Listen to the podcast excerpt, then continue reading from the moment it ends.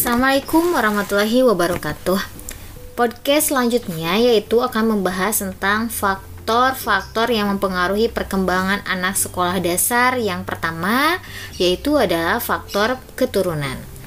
Keturunan atau pembawaan dalam bahasa Inggrisnya heredity merupakan segala ciri, sifat, dan kemampuan yang dimiliki individu karena kelahirannya. Ciri, sifat, dan kemampuan-kemampuan tersebut dibawa individu dari kelahirannya dan diterima sebagai keturunan dari kedua orang tuanya. Ada dua jenis sifat yang diturunkan secara hereditas, yaitu sifat intelektual dan sifat temperamental atau kepribadian.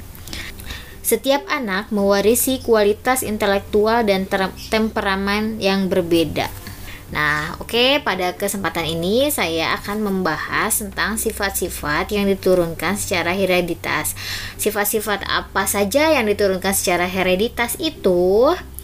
Itu ada potensi intelektual, kemudian ada temperamen atau kepribadian. Nah, untuk potensi intelektual ya, di dalam kelas akan dijumpai anak yang secara potensinya memiliki kualitas intelektual tinggi, sedang, dan rendah. Jadi nanti ketika kita masuk ke kelas, itu kita akan dihadapkan dengan beragam karakteristik anak, baik itu dari intelektualnya, intelektual yang tinggi, sedang, dan rendah. Makin tinggi potensi intelektual anak, maka makin cepat dan mudah baginya menyelesaikan tugas-tugas perkembangan. Sebaliknya, makin rendah potensi intelektual anak, maka makin lambat dalam menyelesaikan tugas-tugas perkembangannya. Bahkan ada anak yang tidak dapat mencapai tugas-tugas perkembangan setingkat sekolah dasar karena kemampuan intelektualnya yang sangat rendah, yaitu untuk anak yang masuk ke dalam kategori moron, feeble-minded. Nah, para penyandang feeble-minded lemah pikiran terbagi lagi atas dua kelompok, yaitu anak yang imbisil, imbisil dan idiot. Anak imbisil paling tinggi hanya mampu dilatih untuk menguasai keterampilan yang sederhana yang berkaitan dengan perawatan dirinya sendiri. Kemudian, untuk IQ mereka itu lebih kurang antara 25 sampai 55. Sedangkan anak idiot ini merupakan anak yang mempunyai potensi intelektual paling rendah di antara potensi-potensi intelektual yang dimiliki oleh manusia.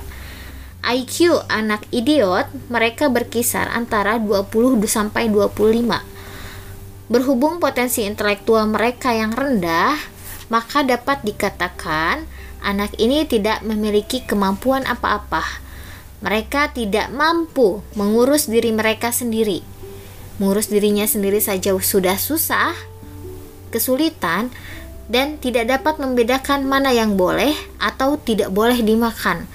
Sudah tentu anak ini tidak dapat belajar atau dididik.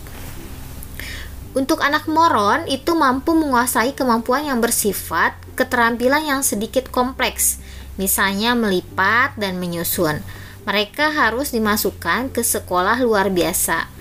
IQ mereka berkisar antara 55 sampai 70. Nah, di sekolah juga akan dijumpai anak yang disebut dual normal dengan IQ 80 sampai 85. Kemampuan berpikir anak ini berada di bawah kemampuan berpikir anak normal. Anak dual normal atau si normal yang bodoh dapat memasuki sekolah dasar, tetapi memerlukan bimbingan khusus secara terus-menerus dari guru. Perhatian, ketekunan, kreativitas, dan kesabaran diperlu diberikan untuk membimbing anak. Di sekolah kita di Indonesia, anak-anak yang seperti ini tidak jarang kita temui oleh karena itu, diperlukan pengalaman guru yang tajam untuk mengetahuinya dan keterampilan yang profesional untuk membimbingnya. Anak-anak sekolah dasar yang memiliki potensi intelektual di atas normal pun akan ditemui di sekolah dasar seperti anak superior dengan IQ-nya 120 sampai 130 dan anak sangat superior dengan IQ 130 ke atas. Anak-anak yang memiliki kemampuan intelektual superior dan sangat superior ini menurut Terman cenderung mempunyai ciri-ciri kemampuan belajar tertentu.